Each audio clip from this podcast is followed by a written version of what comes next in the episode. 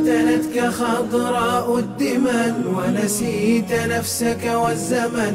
يا صاح اذكر موقفا يندي السريرة والبدن. فتنتك خضراء الدمن ونسيت نفسك والزمن. يا صاح اذكر موقفا يندي السريرة والبدن. من سوف يشفع للذي نسي الحساب وضاع من اسأل إلهك ستره ويقيك من شر الفتن. ترك الحبيب محجة بيضاء حاشا لم تشن. الليل مثل نهارها هدي النبي المؤتمن.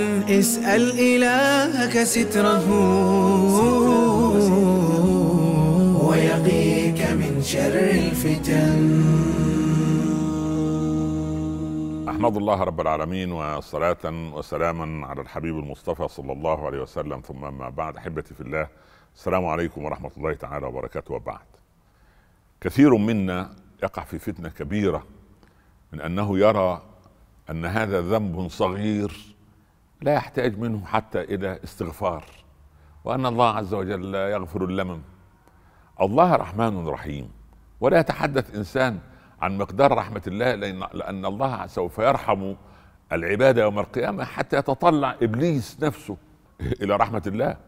فالقضيه الرحمن الرحيم هذه قضية يعني مفروغ منها. أنا أتكلم عن استهانة كثير من المسلمين بمساله الذنوب. يقول هذه صغيرة. طيب فرضنا جدلا أن قطرة ماء تنزل من هذا السقف على حجر.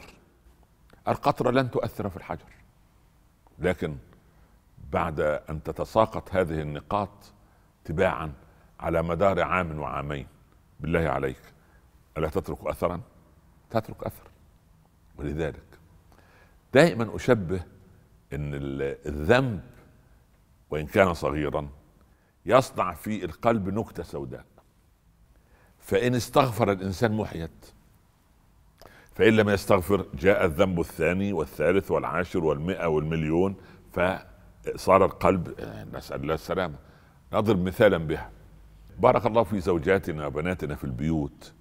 عندما نأكل في الأطباق والصحون سبحان الاواني إذا ذهبنا إلى الحوض اللي فيه الصنبور الماء وغسلنا الطبق فورا الصحن يعني فورا بفضل الله لا يأخذ مجهودا.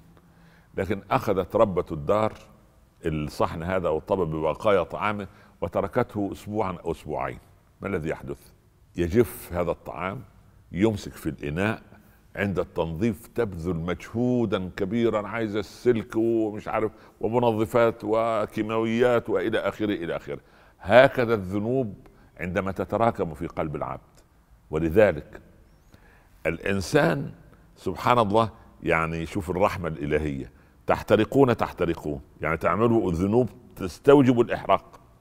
فإذا صليتم صلاة الظهر أطفأتموها ثم تحترقون تحترقون. فإن صليتم العصر أطفأتموها ثم تحترقون المغرب أطفأتموها العشاء أطفأتموها فينام الإنسان وليس عليه خطيئة. اذا الذنوب اولا بأول بس في نقطة. كثيرا ما نستهين ونظن أنها صغيرة وهي كبيرة وتحسبونه آه، هينا وهو عند الله عظيم. مثلا الناس زمان من خمسين ستين سنة مئة عام كانت تغتاب واحد اثنين يغتاب أخوه اللي ظلمه في الميراث آه، والد زوجته الذي أهانه أمام الناس. مثلا يعني جاره الذي تعدى عليه بكلمة. الآن أصبح المسلمون في منتهى العجب يغتابون دولة بأثرها. دولة. ما هو رأى شرا من فلان من دولة كذا. دولة كذا دي كذا مليون. يقول لك يا أخي هؤلاء كذا. وهذه الدعوة يا سبحان الله لو جاء كل واحد منهم يوم القيامة وأخذ منه خمس حسنات بس أو عشر حسنات والله صار مفلسا. أتدرون من المفلس؟ هذا هو المفلس سبحان الله. فنحن يجب ألا نستقل بالذنب. شوف القضية ليست في صغر الذنب ولكن القضية الأخطر الذي لا يجب أن ننساها هي في في حق من؟ هذا الذنب في حق من؟ انظر إلى عظم من تعصيه. يعني أنا عندما أقول لزميل مثلا ولا ابني يقول لزميل له يا ولد. عادي. لكن لما يجوز أن يقول لأبيه يا ولد. يجوز أن يقول للحاكم يا ولد. طبعا لا. ولله المثل الأعلى. فلا تنظر إلى صغر الذنب ولكن إلى انظر إلى عظم من تعصي. ثم ابن عطاء وضع قاعدة أغرب من الخيال. قال لا صغيرة إن قابلك عدله. يا الله. ولا كبيرة إن واجهك فضله لا صغيرة مع إصرار ولا كبيرة مع استغفار. ضعها موازين في الحياة. يعني أنت تستهين أن تغتاب فلان. لا يا أخي لا. هذه ليست شوف تخيل أنت معي. أقول دائما طائفين حول الكعبة واحد والعياذ بالله أخذ معولا وأراد أن يهدم حجرا من أحجار الكعبة. بالله عليك ماذا يصنع الطائفون به؟ يفتكون به. كيف يعني تقترب من أعظم مبنى في في التاريخ؟ سبحان الله.